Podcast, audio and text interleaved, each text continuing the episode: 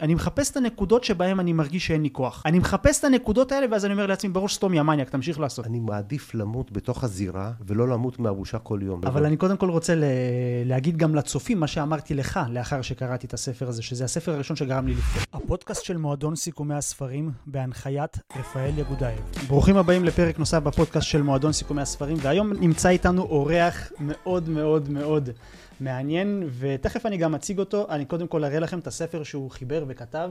זה הספר, חתול רחוב, אני גם אראה לכם את ההקדשה שהוא הביא לי כאן בספר, אבל קודם כל ניתן לו את הזכות להציג את עצמו.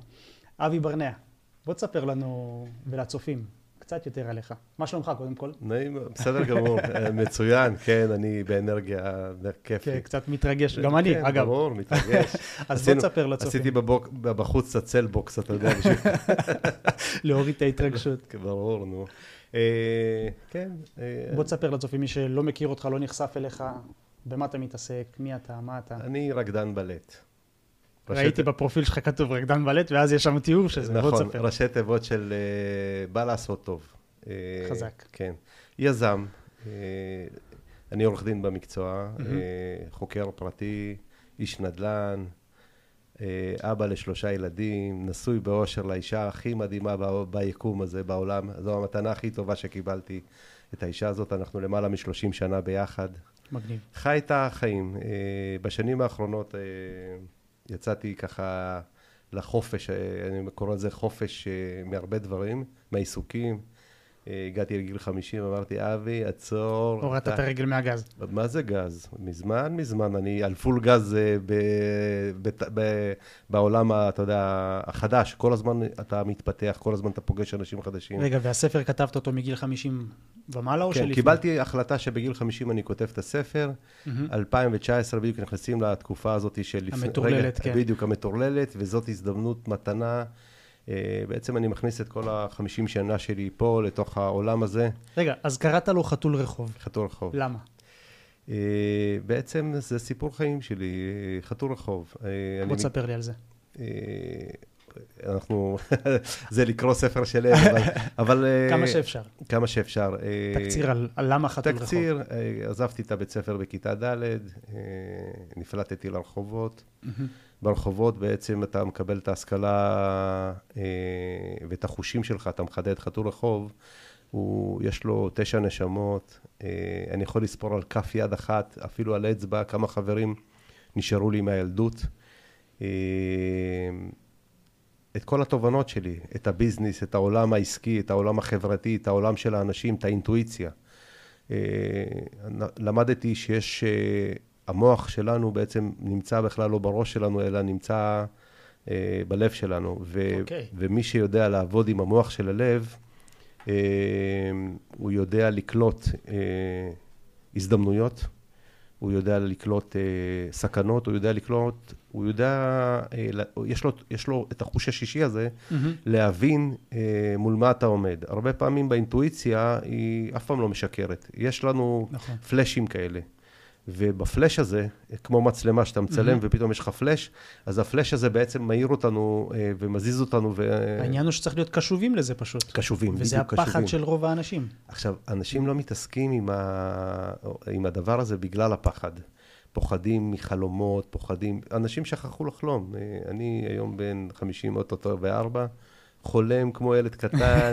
כן, ו- יוצא לנו לדבר הרבה, ברור, אני שם ברור. לב. אני קם, חולם חלום בלילה, יש לזה חמישה שלבים, אני קורא לזה. אה, בסוף תשאל אותי, אני אתן לך, אני אתן טיפ למאזינים גם על... חמישה שלבים למה? אני חמישים, אזכיר לך את זה. חמישים, ח- חמישה שלבים של, אה, של, של בעצם איך, איך כל דבר עובד. אוקיי, חמישה שלבים. אה, חמשת השלבים. חמשת השלבים, בדיוק. אוקיי, אנחנו נגיע לזה. חמשת השלבים שאני אומר, על כל דבר, אם אתה מכיל אותו, יש בו, אה, אתה יכול, אה, אפשר ללמוד ממנו אה, המון דברים על ה, בכלל, על הביזנס, על החיים שלנו, על החיים הפנימיים שלנו, על החיים הסביבתיים שלנו, על איך אנחנו בעצם כמודל אה, לעצמנו ולעולם החיצוני. העולם הפנימי והעולם החיצוני זה כן, בדרך, בדרך כלל שיקופים. שיקופים, שיקופים, בדיוק.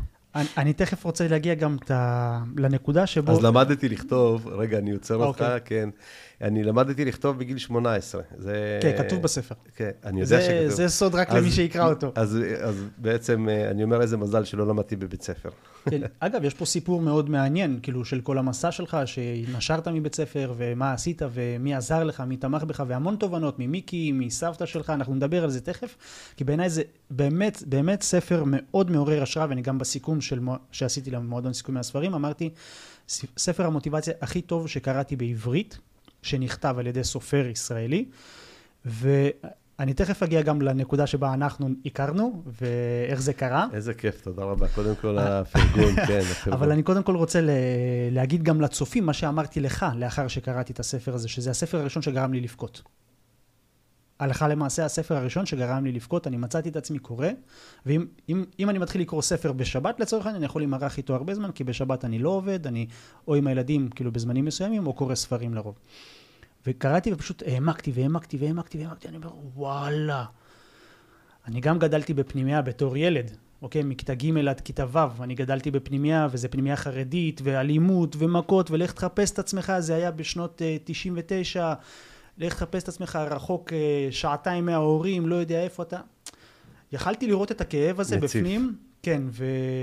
עוד פעם, בגלל שאתה בוכרי ואני בוכרי, אני יכול לראות את ההזדהות ואת המנטליות עצמה של הקהילה עצמה. וזה היה פשוט... בכיתי שקראתי אותו, ואני זוכר ביום ראשון אחרי זה שלחתי לך הודעה, טק טק טק, וואי, זה ספר מרגש, בלה בלה בלה. ו... עכשיו שתוך כדי, חמש דקות לפני שנכנסת לפה, אני מקבל טלפון, ומישהי שקרא את הספר בשבת בלגימה, ואומרת לי, אבי, תקשיב, מטורף, אתה חי, אתה לא מבין, זה מטורף. נכון. אני עכשיו, אבא לי רוצה לקרוא את הספר, והבן שלי רוצה לקרוא את הספר, אני אומר, בן כמה הבן? אז כבר, אתה יודע, אה, הוא חייב לפגוש אותך, אתה, אתה לא מבין, אני פשוט לא... אני בעיה, הייתי חייבת להתקשר אליך. אז אני מרגיש את זה. אה, האמת היא שכתבתי את זה בכלל, את הספר כתבתי לנכדים, אתה יודע, כאילו... שיישאר משהו אחריך כביכול? שיכירו את הסיפור? המקום, המקום בדיוק, אני לא משווק אותו בשום מקום, הוא רק uh, מהרצאות או מ... Uh, והוא נמכר ככה, אתה יודע, אצלי, אבל אני לא... Uh, זה, זה הנקודה הזאת בעצם היא... לשם כיוונתי, mm-hmm. וכנראה שזה מסקרן הרבה אנשים לדעת מה... אתה, אתה יודע, אומרים שאנשים, המטרה בלכתוב ספר זה כמו להנציח את השם שלך בעידן שאחרי לכתנו, בוא נגיד ככה, כמו שאנשים קונים בניינים ושמים את השם שלהם למעלה וכל הדברים, אותו דבר גם עם ספר, זה עובד אותו דבר. אגב. דרך אגב, כשאני, אה, אתה מרגש אותי, אני אגיד לך למה, כי אה, כשאני מגיע לפנימיות ואני מלווה חבר'ה אה, בגיל העשרה, כיתה י', י"א, י"ב, אז כל אחד, אני שואל אותו, מה החלום שלך? הוא אומר לי, כסף. אז אני אומר להם, טוב, עכשיו, אני מבין שהעולם של הכסף הוא מסקרן הרבה אנשים, והעולם הזה מרתק את כולם. אז בואו נדבר על כסף. תוציא שטר, 20, 50, 100, לא משנה איזה שטר. אה, הרבה אנשים אין להם בכלל שטרות בכלל בכיס, mm-hmm. לא מחזיקים כסף כי אין להם כסף. אבל מי שיש לו כסף, אז אנחנו מתחילים ואנחנו אומרים, בוא נלמד מהשטר, בוא נלמד מה יש לנו כאן. עכשיו אני יורד לזום אין, לרזולוציה, שאני אומר, בוא נסתכל מי בתמונה, כמה אנשים מחזיקים מיליונים ביום עוברים בידיים שלהם mm-hmm. כסוחרים וכאלה, וכשאני שואל אותם, מי מצויר פה? אומר לי, וואלה, לא יודע מי זה. לא יודעים מי מופיע. לאה גולדברג, צ'רחובסקי, אה, אה, אה, אתה יודע, יש כאן, מי, בוא נלמד אצלהם איך עושים כסף. אז הם מסתכלים, וכתוב שם מתי הוא נולד, מתי הוא נפטר. נכון, יש את הסיפור שלו. ואת הציטוט שלו. ואיזה ערך בעצם הוא השאיר פה. כאילו סופר, מחבר, משורר. אז אני אומר להם, בואו נלך ללמוד. אני אומר, רגע, הוא, הוא מת, אז בואו נלך באל-כבורה, אבל לקבר שלו נלך, שנראה מה, למה, למה הוא על השטר? Mm-hmm. למה לא אבא שלך, למה לא סבא שלך, לא, למה מישהו מאיתנו לא נמצא על השטר בכלל? עכשיו, זה בכלל מעורר, אה, אתה יודע, שאלות את עצמם, ואז אני אומר, אם אתם רוצים להיות על השטר, בואו תראו, הם לא רדפו אחר הכסף, אבל הם נמצאים על הכסף. איזה ערך הם נתנו, הם יהיו גם בעוד אלף שנים, למה? הם השאירו פה חותם מטורף. ו- וזה מעניין לראות את ה- איך הם פתאום, החלומות שלהם משתנים. זאת אומרת, פתאום זה לא הופך להיות הכסף. מאחורי הכסף. מאחורי יש הכסף. יש לי הדרכה שאני ב- קורא לה מאחורי הכסף. מאחורי הכסף. מה הסיסטם שעומד מאחורי הכסף. בדיוק. אני זוכר גם, אה, אני מאוד אוהב אומנות לחימה, אמרת שגם הבן שלך נלחם ודברים כאלה. אצלנו כולם כן, זה... ויש ציטוט של חביב נורמגמדוב, שהוא אומר בעניין הזה, אני לא נלחם עבור כסף, אני נלחם עבור המורשת שלי. וזה מה שהוא עושה בעצם, הציעו לו מאות מיליוני דולרים לצאת, הוא עושה, זה לא מעניין אותי, אני נלחם בשביל להשאיר מורשת. וגם כשהוא פרש זה כבר לא מעניין אותו, המורשת שלו. להצמיח את דגיסטן, להצמיח את הדור הצעיר, להצמיח מנטליות בריאה יותר, וזה, וזה באמת מעורר השראה של לעבוד מאחורי המורשת. רג'ים, שם זה נורמה, נורמה. אז זה כן. בעצם, אה, אתה רואה בהרבה מקומות, נגיד בברזיל, הג'ו-ג'יצו שדיברנו, ודיברנו על ההיאבקות הקלאסית, כן. והעייפות, אה, הסמבו, זה מגיע מצורך, וזה חינוך. כן. חינוך של כן. איך לדעת לקום, איך לדעת ליפול, זה הבסיס. זה אגב שאני מדבר עם חברים שהם גם מתאמ... לוחמים, כאילו אני לא, לא מגדיר את עצמי לוחם וזה, אבל מתאמן מפעם לפעם ב-MMA, קרוספיט וכל מיני כאלה. והם לא מצליחים להבין את השוני בין המנטליות. זה הרי מנטליות, אתה מסתכל על לוחם שהוא בא מדגיסטן או מטאג'יקיסטן, קירגיסטן וכל המדינות, כן. עולם שלישי האלה, אבל אני מדבר איתך על זה, אסיה. המנטליות שם היא אחרת לגמרי, אין דבר כזה להיכנע, אתה לא תראה דבר כזה, כאילו תחנוק אותי, תן לי להירדם, אני לא נכנע. זה כמו שגם, אני אצטט עוד פעם את חביב, שח, שדסטין חנק אותו. הוא עושה, אני לא מאמין כמה טיפש הבחור הזה היה, אז אומרים לו למה, הוא עושה, חנקת אותי, נראה לך שאני אכנע ליד אבא שלי, אני אעשה לי את הפדיחה הזו לכל החיים? מצידי תחנוק אותי שאני ארדם פה, אבל להיכנע אני לא אכנע. וכשהוא השתחרר הוא חנק אותו הפוך. כן, כן.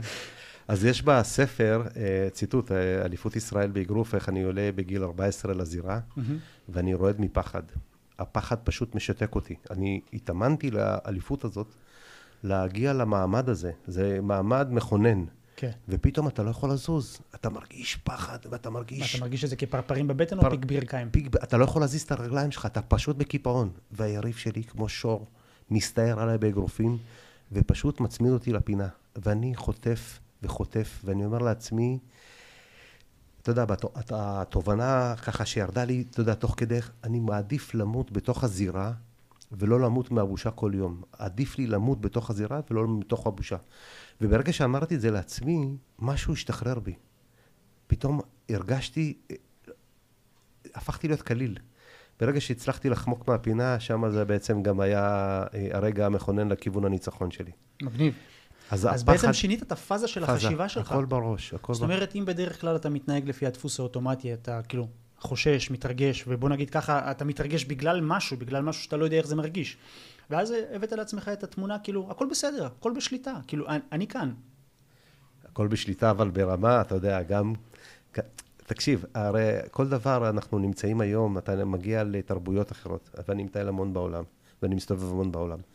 הכל דרך הפרצוף שלנו, אפשר לקלוט אה, מי חלש, מי חזק, הכל דרך הפרצוף. עכשיו, כשאתה מגיע למדינות מהעולם השלישי, ובאים לדבר איתך, ואתה מרגיש עוינות וסכנה, אבל כשאתה מחייך עם הפה, עם העיניים הגדולות שאתה פותח אותן, זה שבא להציק לך, או בא אה, לפגוע בך, אתה קולט את זה באינטואיציה, אבל כשאתה מתקרב אליו, יש לנו הרי טריטוריות. נכון. וכשאתה נכנס לתוך הטריטוריה שלו, ואתה נכנס ואתה מחייך אליו, אומר, הוא- ב- באוטומציה שלו, הוא אומר, בואנה, זה או מטורף, או משהו לא בסדר איתו. כי לא הגיוני, אנחנו כאן קבוצה, כן. פתאום הבן אדם נכנס אלינו, לתוך הזה, ומחייך אלינו, וואטסאפ, מן, כאילו, בוא, אתה רוצה, אני מוזמן, אני מוכן. זאת אומרת, עכשיו, אם זה בן אדם טוב, שהוא בא ממקום טוב, והוא מחייך אליך ואתה מחזיר לו חיוך, אז הוא אומר, איזה בן אדם כיף, איזה אנרגיה הוא נתן לי. זאת אומרת, החיוך והאנרגיה פותח את הזאת, השער. פותח להכל. זאת אומרת, זה גם פותח לאנשים שהם אה, רעים ואנשים טובים. זאת אומרת, אתה תמיד נמצא בשליטה. מגניב. אה, וזה כאילו, המעבר הזה, זה, זה אחד הדברים בארגז כלים של הילדים. הם צריכים לדעת להיות, להסתכל חדי עיניים, לראות, דרך אגב, אני פותח סוגריים, כל ילד אצלי מקבל כסף שהיה בבית ספר, להגיד לי איזה צבע יש למורה בעיניים. זאת אומרת, כל היום הוא ככה מסתכל, הוא כותב לי את הצבע של העיניים, ירקרק, וזה עכשיו המורה שולחת לי הודעה, אומרת לי, בואנה, תקשיב, הילד כל הזמן בהקשבה, היא לא מבינה שהוא מקבל ממני כסף בשביל לראות לה את הצבע בעיניים, כי מה שזה עושה, זה בעצם עושה קשר. קראתי באיזשהו ספר משהו מאוד מעניין לגבי העיניים, מה שאמרת עכשיו. לא זוכר הספר, או פאולו קוואלו, אחד מהספרים שלו, או רובין שרמה. שאיזה מישהו הלך למבחן אצל איזשהו מלך, בשביל לעבור לשלב ההתפתחות הבאה שלו. והמלך אמר, אוקיי, קח כפית, שים שתי טיפות שמן, מבחן שתי טיפות השמן. נראה לי ספר של פאולו קוואלו, אלכימאי. הוא אומר, תעשה סיור בארמון, ותחזור אליי אחרי זה. ההוא שם שתי טיפות שמן בכפית, הכפית כאן בפה, והוא הולך בתוך הארמון, מחפש, מחפש, מחפש, מחפש. הגיע למלך, אומר, סיימתי את הסיור. הוא עושה, אוקיי, ראית מאיזה סוג השטיחים שלי היו בחדר המתנה? הוא אומר, לא. הוא עושה, ראית את התמונות יוקרה שיש לי שם? הבאתי אותם מפרס. לא, לא ראיתי, וראית את הווזות ואת כל ה... הוא עושה, לא, לא שמתי לב. הוא מסתכל על הטיפות שמן, הוא עושה, אה, כי היית מרוכז בטיפות שמן. הוא עושה, אוקיי, עכשיו אני רוצה שתקלוט את התמונות שעומדות בחדר המתנה, ותספר לי מה ראית מהם. אוקיי, הוא שם לו עוד שתי טיפות שמן, ההוא הלך, הלך, הלך, חזר אליו, אומר לו, נו, איך היו התמונות? הוא אומר, הוא סיפר לו, התחיל לספר לו על התמונות. הוא אומר, אבל איפה הטיפות שמן שלך? אז כאן הוא אומר בעצם, שאו שאתה מסתכל ופותח את הזוויות ראייה שלך כלפי חוץ, ואתה מאבד את הפוקוס שלך מהשמן, או שאתה בשמן. zoom in, zoom out. כן. דרך אגב, זה החיבור שלנו. אני שמעתי את הסיכום, את הסיכום של אה, אלכימאי. אלכימאי? אה, זה מה שהסיכום הראשון ששמעת? אז זה הסיכום הראשון ששמעתי, שסיכמת אותו, וברגע שלא רציתי לקטוע אותך, אבל זה בא משם, כן. איזה קטע. הסיפור. אחד הספרים החזקים, כל נער שאני פוגש, אה, או אה, חייל או חייל משוחרר, אני עושה מנטורינג לחבר'ה צעירים, ואני אומר להם, תקשיבו, אתם קוראים? לא, אף, רוב האנשים לא קוראים ספרים. אז אני, אני מבין את זה, כי גם אני, חתול רחוב, הכרתי את המילים רק כשלמדתי, אני גם יודע. קראתי, במעצר קראתי כן. ספר ראשון. אז, אז ברגע שאתה לומד את הכוח הזה של המילה, אתה מבין. והספר הראשון שאני שולח אותם לקרוא, זה בעצם אה, אלכימאי. למה? כי זה מסע, וכל אחד יכול לראות את לגמרי. עצמו. אה, נער ההרמונים, או נער אה, אה, שמחפש את המסע שלו דרך הרועה צאן, דרך כן. ה... זה, זאת אומרת, אתה, יש לך שני נתיבים, אתה יכול להחליט, וזה ספר הספר חזק. הספר הזה טמטם אותי שקראתי אותו פעם ראשונה. בפעם השנייה בכלל הוא שלחתי לחיפוש עצמי, כן. כאילו אפשר להגיד שזה הספר השני, שק... הספר השני שקראתי בחיים, אוקיי? אבל מההתחלה עד הסוף זה היה הספר הראשון, שכבר הייתי במעצר בית, אז אימא שלי הביאה לי את הספר הזה, זה כאילו יש לי סיפור עם הספר הזה. הביאה לי את הספר הזה וקראתי אותו, ובאמת, משם כל המסע שלי לעבר להבין מה זה הגשמה עצמית בכלל התחיל. אני מדבר איתך על עשר שנים אחורה, בדיוק. הנה, היום אנחנו במאי. עשר שנים איזה, אחורה, איזה אני השתחררתי, כאילו. איזה דרך. אז אה, כן. זה חיים חדשים. אז בוא נדבר רגע על ההיכרות. רגע, הספר הזה... איזה אלכימאי? אלכימאי. דרך אגב, כשקראתי אותו בפעם הראשונה, הייתי פשוט, אה, דמו, דמעתי. מתי זה היה? קיבלתי אותו מתנה מהבן שלי, שהוא היה בן 17, בערך לפני 9, 10 שנים, 9 אה, שנים. מגניב. ופשוט, אה, הוא אמר לי, אבא, אתה חייב לקרוא, זה ספר קליל, אתה בלגימה, אתה גומר אותו. והתחלתי לקרוא את הספר ולא ישנתי כל הלילה עד שגמרתי אותו, אבל בכיתי, כי אמרתי, הספר הזה נכתב עליי. כאילו, אני הרגשתי... זה, זה הסגולה של פאולו קוואלו. תקשיב, חשבתי שהוא כתב אותו, כאילו, זה ספר שנכתב עליי. ויש לי סיפור מטורף על הדבר הזה, העולם הזה, כאילו נקודה אחת של האם לקחת את ה... לזכות בלוטו, זכיתי בלוטו, אה, בית באחד המקומות באירופה, רכב, חנות, הכל. או לבחור בנתיב שלי, ובחרתי בנתיב שלי. אני זוכר, דיברנו על זה. כן. מגניב. זה משהו אישי כן, שלי, כן, כן. כן, אני... אבל זה בדיוק ככה, אני קראתי את הספר הזה אולי שש פעמים, ואני רוצה לחזור אליו עכשיו בעקבות השיחה הזאת עוד פעם. אני עשיתי עליו שלוש סיכומים מאז. אני פשוט נהנה ממנו. אה, אז בואו בוא נדבר רגע כן. על, על ההיכרות שלנו. תקשיבו, וזה, וזה מה שאני תמיד אומר לחבר'ה ממועדון סיכומי הספרים, המטרה שלי זה להיות נגיש אליכם. זאת אומרת, זה לא שתחפרו לי כל היום, אבל להיות נגיש. אם יש לכם שאלה, אתם רוצים להתייעץ, אני פתוח, אני שם את הוואטסאפ שלי ביוטיוב, בואו, בואו, דברו איתי. יש לנו קהילת וואטסאפ של אלפי אנשים, בואו, בואו נדבר. וככה אתה הגעת אליי בעצם. שלחת לי הודעת וואטסאפ, ומשם דיברנו.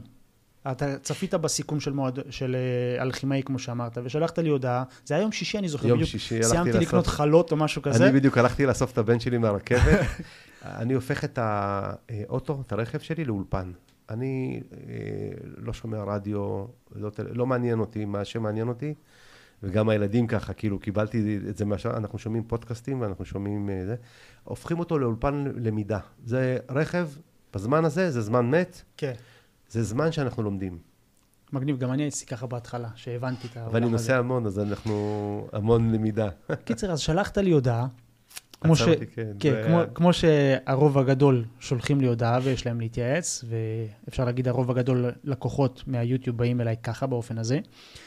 אה, שלחת לי הודעה ואמרתם, בוא נדבר. אתה אמרת לי, יש לי משהו חשוב לדבר איתך, בוא נדבר, אתה תאהב. אמרתי, נו טוב, בוא. דיברנו, והשיחה שהייתה לנו איזה 40 דקות, כאילו, משהו בסגנון הזה, ופשוט השיחה זרמה, ודיברנו, ודיברנו, והכרנו, והיה את הקליק הזה, של הסיפור שלך דומה לסיפור שלי, רק בגוונים שונים ואזורים שונים בארץ, אבל אפשר להגיד אותו סיפור, ובעצם משם זה היה הצעד הראשון שהכרנו, ואז נפגשנו לקפה, ובפגישה הזו אני יצאתי עם אה, פצפצים במוח. היה משהו בפגישה הזו, הבאת לי ניילונית, דף ושתי אבנים. אורים ותומים. בוא תספר לי על זה קצת, וואי. גם שהצופים ישמעו על זה. האמת היא שאני, אה, גם כש... כל- אדם שאני פוגש או מעניין אותי, אה, לא משנה אם אתה על הבמה, אה, אחד המרצים הבכירים או אנשים, ברגע שאני מסמן לי מטרה, זה הכיוון שלי. עכשיו, ברגע ששמעתי אותך, קודם כל הזדהיתי. יש לך אקצנט, יש לך מבטא, מהמם. שהוא בעצם, כשאומרים כששומעים אותי, אז אומרים לי, יש לך מבטא, ואתה, בעצם זה משקף, מהמם. דומה מושך דומה. וברגע שסיכמת את הספר, שמעתי, האזנתי לו, ולא אכלתי, הייתי ב... על קוצים, אמרתי, אני חייב לשלוח לו הודעה. זאת אומרת, יצרתי פעולה, כן. ואמרתי, אני חייב לשלוח לו, לתת לו מתנה את הספר שלי, חתול רחוב. הספר שלי, בדרך כלל אנשים לא מקבלים אותו במתנה. ואמרתי, אני חייב לשלוח אותו ל... לא יודע למה, כאילו, ב... באנרגיה הזאת. בלי שום אה, קבלה ממך. זאת אומרת, לא ציפיתי כן, כן, לזה. אבל שמעתי את הסיכום שלך, ואמרתי לעצמי, יאללה, כיף גדול, מגיע לו. ואיך שאמרת לי, נתת לי את הכתובת, זה נשלח אליך. אה, עכשיו, לגבי ההורים והתומים, אני כל הזמן הולך עם מתנות בכיס, בתיק. כל הזמן אצלי זה, מישהו חייב לקבל משהו. זה עושה לי טוב. לתת, זה לא... רוב האנשים באים עם היד. אני הייתי במקום הזה. אנחנו מושיטים את היד לקבל עזרה. מהמם. ואם אני יכול לעבור עכשיו, ואני מאחל לכולם, שכולם יהיו בצד של הנותן. כי ברגע שאתה הופך להיות בצד של הנותן, אתה באנרגיה, לא של התנסות או זה, אלא בתוך, ממקום שאתה בעצם מרים את עצמך. זאת אומרת, כשאני יורד עכשיו מהטאבו, ואני רואה ארבע נשים עם הליכון כזה, יושבות ומחכות לחפש שמן, אה, שמש, ולתפוס את ה... זה- את הדע, ככה, את ה... הוציאו אותם החוצה, המטפלים מהמם. שלהם. אני נכנס לחנות פרחים, קונה לכל אחד פרח, ואני מחלק להם, אז יש איזה אחת קמה ככה עם ההליכון שלה, היא אומרת לי, יואו, מה זה יום האישה, איזה, מה, מה זכינו? עכשיו, אתה יודע, זה כאילו אנרגיה מטורפת שאתה מעביר אותה הלאה, ואז היא עומדת, ואמרתי לה, סתם בשביל יום יפה, אני רואה אתכם יושבות ככה, ורציתי לעשות טוב, גם לכם. וגם לי. אז היא, היא מתרוממת בהליכון, ואומרת לי, אני יכולה לקבל ממך חיבוק? עכשיו תקשיב, אתה יודע איך אתה הולך כל היום? אתה הולך כמו ישו שהלך על המים? ככה אתה מרגיש שאתה הולך. זאת אומרת, משהו קטן, נגעת במישהו. הן יכולות לשבת שם, יעברו מיליון אנשים, אף אחד לא יתייחס אליהם, אבל פתאום אתה נגעת בהם. ראית ו- אותם. ראית אותם, וברגע שנגעת בהם, גמרנו. עכשיו, מה זה עושה לך? צוהר של אושר. מטורף. ככה זה בדיוק אותו דבר. עכשיו, ההורים התומים זה בעצם הרבה פעמים אנשים שמגיעים לבית משפט, או מגיעים למקומות ולא יודעים לקבל החלטה, פוחדים, רועדים. עכשיו, אתה, הם צריכים להיאחז במשהו. הרבה אנשים מאמינים במשהו. עכשיו, אם אתה נותן להם אבן, או מטבע, או משהו, שיש בה, בו סיפור, כל דבר אנחנו יכולים לספר לו סיפור. כן, קמע וב- עם אמונה. בדיוק, וברגע שאתה מוכר את הסיפור הזה, ואתה נותן, ואתה מעצים, לא, מת- לא מתוך ניצול, ההפך, זה מתוך מעצמה מטורפת, ואתה נותן להם לקרוא את הדף. ואז, כשאישה נכנסת לדיון בבית הדין הרבני לקראת הזה שלה, והיא מחזיקה והיא מכניסה את היד, ופתאום מוציא, מוציאה באנרגיה הזאת את האבן שהיא רוצה להוציא, והיא אומרת, תקשיב, אני, היית לידי, הרגשתי אותך, הייתי שם בפנים, נתת לי את כל הכוח. וזוכה, אתה יודע, כאילו מהמם. זה, עשית את העבודה שלך. אז המתנה הזאת של ההורים והתומים היא... לקבל החלטות לקבל החלטות. ולהעצים את טיק הרטט. טק. בביזנס, אחד הדברים של החתול רחוב, החתול רחוב מקבל החלטות מהר, לברוח, לקום, לצאת, לעשות פעולה, לצאת לפעולה, אתה מניע את עצמך לפעולה. ברגע שאתה, אה, יש את חוקי הטבע, ברגע שאתה לא קיבלת החלטה, אה, חוק הדחיינות, אתה יודע, כאילו, מהמם. ברגע שאתה דוחה דברים, הסיכוי ש- שאתה תגשים אותם, שואפים לאפס. אבל ברגע שקיבלת החלטה, לטוב ולרע, להיות קיבלת- בתנועה, להיות בזרימה. בתנועה. אז קנית, ראית, לוקח לי, אני 4-5 דקות לקנות נכס. זאת אומרת, מטורף. אנשים עושים בדיקות ומשכנתאות, ו... אה, אה, אה, ובסוף, רגע, לא בטוח, לא יודע, המחירים גבוהים, המחירים נמוכים. לא קנית, פספסת. לא עשית, פספסת. הכל בתנועה. אבל אולי אתה מקבל החלטות מהר בעניין הנכסים ספציפית, כי ציינת את זה, בכל כי דבר. אתה מכיר את השטח? בכל תחום. אני עכשיו נכנס, אהבתי משהו, נכנסתי פה, ראיתי כאן כמה יצירות אומנות, ב, ב, ב, באינט... ב, הכל אינסטינקט, אתה יודע, בזה. אני מוכן לתת הצעה. עכשיו, אם היה לידי אה, בעל המקום, הוא היה מקבל ממני הצעה, הייתי זורק לו אה, זה, היינו מנהלים משא ומתן, כן, גם אם, כן, אבל אם הוא היה מוכר, בום. זאת אומרת, יש הזדמנויות כן. ששווה לתפוס אותה. עכשיו, יכול להיות שזה, אכלתי אותה, חתול בשק. כן. אבל זה בית ספר, זה למידה. חלק מהלמידה שלנו, שיעורים. ואני, שיעור, השיעורים האלה, זה, אני נכשל המון. שואלים אותי מה הסוד להצלחה, אני נכשל המון המון המון המון המון, בום. כשיש לך הצלחה, היא... אבל כל זה נמדד מהמון כישלונות. המון כישלונות מביאים אותך ל... ל... למשהו. זוגיות. מי, מישהו לימד אותנו זוגיות, מישהו לימד. אותנו הורות, מישהו לימד אותנו פיננסים על כסף, על פול, אנחנו מדברים כל הזמן כסף. מישהו לימד אותנו משהו על הדבר הזה? אף אחד. עכשיו, ברגע שאתה יוצר לעצמך סיסטמים של הבנה, אז אתה אומר, בואנה, יש כאן את משולת הזהב. והמשולש הזהב הזה, זה מה שמניע אותי. אתה במרכז, כל הזמן אתה במרכז. מהו משולש הזהב? בוא תספר. זוגיות, הורות ופיננסים. שלושת הדברים האלה, שאתה שולט בהם כאילו? שאני, ש- שאני כל הזמן מניע אותם. זאת אומרת, הדברים האלה בחינם. אישה, ברגע שיש לך אישה, זה מתנה. יש לך את האישה, אתה אומר, אני הופך אותה לאישה הכי טובה בעולם. עכשיו, ברגע שאתה הופך אותה לאישה הכי טובה בעולם, היא, היא, ובאמת היא אישה הכי טובה בעולם, באופן אוטומטי, אתה מקבל בחזרה. אתה הופך להיות הכי טוב בעולם. אותו דבר ילדים. ברגע שאתה משקיע בילדים, אנשים מביאים ילדים, זורקים אותם, פנימיות, זורקים אותם ברחובות, זורקים אותם. למה? הם מסתכלים על עצמם. אבל ברגע שאתה משקיע בילדים האלה, הילדים האלה חוזרים בביג טיים, מהמם. עוטפים אותך. עוטפים אותך, ואתה מסתכל עליהם מהצד ואתה אומר, יאללה, איזה השראה. זה כאילו כיף, זה טוב. אותו דבר בכסף. ברגע שאתה יודע ללמד אותו לעבוד בשבילך, אתה אומר, איזה יופי, הוא עובד בשבילי, אני הולך לישון, אני קם בבוקר, אני, יש לי מיליון שקל, ככה הרווחתי, מיליון דולר, מיליון שקל. אני קובע לעצמי יעדים, אתה מבין? ואני נותן, להם, נותן לו לעבוד, פתאום, בום, 18, 20, זה לא משנה, אתה פתאום נכנס לפרויקטים של 200 מיליון. אז איך לומדים את משולש ה... המשולש הזה שדיברת עליו? כישלונות מביאים כל הזמן, אתה יודע, אתה מנסה ניסוי וטעייה, ניסוי וטעייה, ולמידה, התפתחות. אתה רוצה לקצר תהליכים? קח לך מישהו שעשה את זה. קח לך אה, ספר טוב, קח לך הרצאה טובה, קח לך בית ספר, קח, קח לך, אבל תצא לפעולה. רוב האנשים שקוראים ספרים ולומדים, הם כל היום כמו נרקומנים, זה סם. אין, תספר לי על זה. אתה לומד, אתה לומד, אתה לומד, ואז מה, אתה מגיע אליי, שמע, הייתי בהרצאה של זה וזה וזה, ואתה לא מבין, ו... טוב, מה מחר?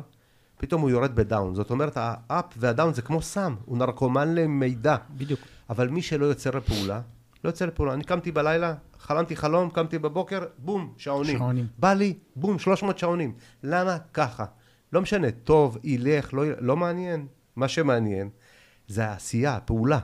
למדת, לבצע. למדת תוך כדי. עכשיו למדתי כי נחשפתי, פתאום מהצוות, פתאום הרצועות, פתאום מנגנון, יש לך מנגנון יפני, מנגנון שוויצרי, אתה פתאום מגלה עולמות שלא היית יודע אותם, כי אנחנו מקבלים אותם בתור מובן מאליו. יורד זום, כמו שאמרת עם השמן וזה, אתה יורד ברגע שאתה יורד לזום, אין וזום אאוט, אתה, אז אתה מקבל החלטות, קל לקבל החלטות. אתה, אתה יודע, נגעת בנקודה מאוד מעניינת ואני רוצה להרחיב עליה טיפה, כי אני מרגיש שהרבה אנשים נמצאים במקום הזה של להיות נרקומנים של ידע. בגלל שיש לי את הקהילה הכי גדולה בארץ לסיכומי ספרים וכל מה שקשור לספרים, אני מרגיש את זה עליהם. אני, עוד פעם, אני לא מזלזל, אני מכבד, מעריך כל אחד ואחד, ואני כאן לעזור ולתמוך בכולם. כי בשביל זה פתחתי את כל זה. כי מהמקום שאני רציתי שיתמכו בי ויעזרו ויהיו אוזן קשבת עבורי, משם כל הקהילה הזו נוסדה. אבל המקום הזה, ועוד פעם, כמו שאמרנו, נרקומנים של ידע. אני אקרא ספר, אוקיי, אני אקח עוד ספר. הקונספט הזה שמתקשרים אליי או שולחים לי הודעה, רפאל, תמליץ לי ספר על אה, פרודקטיביות ואיך להיות אה, מנהיג עוצמתי של עצמי, קודם כל. אני עושה, קח את מועדון חמש בבוקר, אל תיקח יותר מזה. לא, קראתי אותו. אז אתה לא הבנת מה שאמרתי לך, אל תקרא אותו, תיישם אותו. כי אם היית מיישם אותו, לא היית שואל אותי איך להיות פרודקטיבי.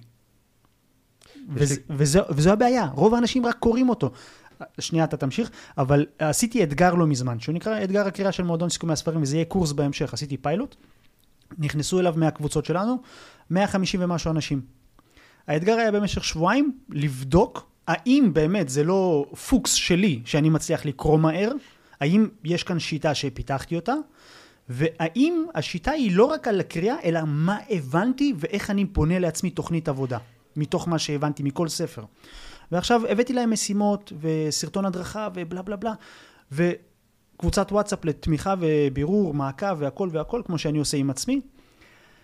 סטטיסטית, תקשיב, התחלנו 150, 60 סיימו את האתגר, כל השאר אני העפתי אותם. כאילו, מי שלא מיישם, אני מוציא אותו מהקבוצה, אין מקום למשחקים. 60 אנשים גילו שהם יודעים לקרוא פי שתיים יותר מהר, הם הספיקו לסיים את הספר, ספר של 200 דפים תוך שבועיים, שזה עשרה ימים, היה גם שבתות, וגם היה מבצע האחרון הצבאי, והם גם הצליחו לבנות לעצמם תוכנית עבודת יישום, והם ראו שהם יכולים ליישם. זה מדהים, חבל שאני פספסתי, אני אומר עכשיו... תבין כן. כמה זה, כמה, וכל אחד כותב לי, רפאל, הכלים שהבאת שם, פעם ראשונה, תקשיב, אנשים בני גילי, בני גילך ומעלה, פעם ראשונה שאני מבין שהספר הוא לא רק לקריאה, כאילו, אני, אני תמיד אומר, תסתכלו על זה כחוברת, לא כספר. יש כאן בן אדם שעמל, הנה, אתה למשל עברת סיפור חיים, יש כאן תובנות. עכשיו אני מדבר גם על התובנות של סבתא שלך, כי בעיניי זה אחד המרגשים, אני ישר דמיינתי את סבתא רבא שלי, כי כן. גם עבורי הייתה סוג של מנטורית כזו. Uh, אתה מבין, יש כאן את התובנות האלה שאני מאמין שבמידה ואנשים ייקחו משהו אחד, רעיון אחד, לא צריך את כל הספר. תפתח אותו, קח רעיון, לך מפה, זהו, עזוב את הספר.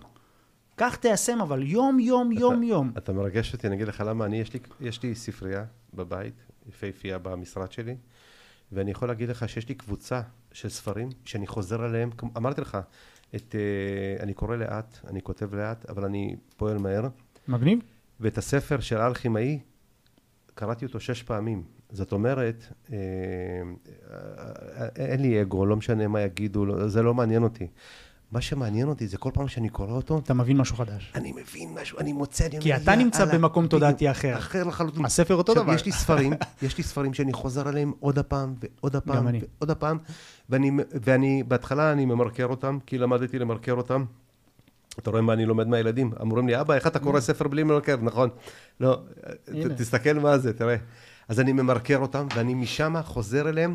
אבל כשאני ממרקר אותם אני אומר לא, אז עכשיו אתה יודע, זה מושך אותך לקרוא גם מה לפני ומה אחרי, ואז עוד פעם אני חוזר בעוד לופ ועוד לופ, ואני מיישם. שם המשחק, מי שלא מיישם, הוא יכול ללמוד אין סוף, וזה כמו שאתה הופך להיות פרופסור, למומחה לצ'ופצ'יק של הצ'ופצ'יק, אבל כל המסביב, אתה לא יכול להיות לא אבא, אתה לא יכול להיות בעל, אתה לא יכול להיות בן אדם, אתה לא, אתה כל היום סגור, אבל אתה מומחה למשהו, אתה פרופסור. Mm-hmm. יש לך תואר, באפס בחיים. אפס בחיים. לעומת זאתי, הבסטיונר, שהוא יושב והוא קורא, והוא מתאמץ, והוא זה, והוא מביא פרנסה. כל פרנסה מכבדת את עצמה. אבל הוא גם מיישם, תוך כדי, הוא אומר, יא אללה, איזה יופי.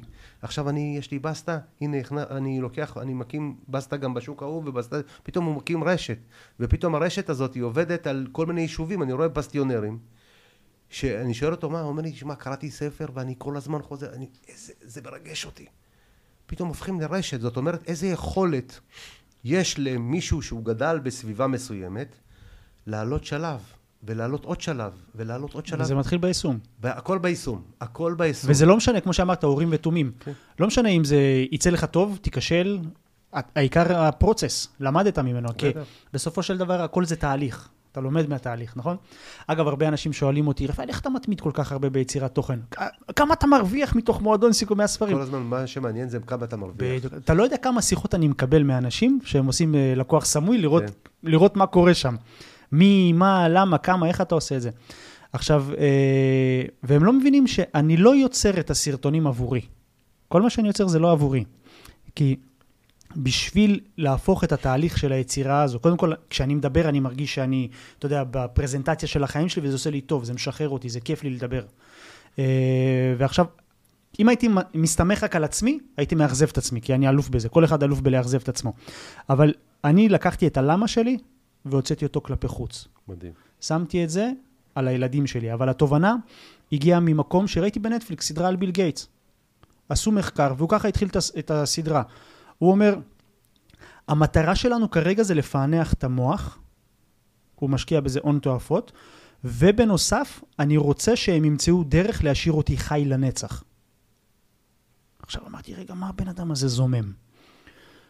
ועצרתי רגע את הטלוויזיה ואמרתי, רגע, יש פה משהו מעניין. איך אני יכול לקחת את מה שהוא אמר ולהישאר חי לנצח? מה שאתה עושה. סרטונים. מה שאתה עושה עכשיו. בדיוק, אני יוצר סרטונים. הכל ברשת. אם אני אמות, לצורך העניין, כשיגיע הרגע, הילדים שלי יתגעגעו, אולי רפאל אגודה ביוטיוב, פעם הם רואים חלקים מחיי. ילדים. אני חי לנצח, עד שהאינטרנט חי, כן? סבא רבא שלי, הנה, יש לנו... בתקופה עכשיו של הקורונה עשיתי אה, עבודת שורשים.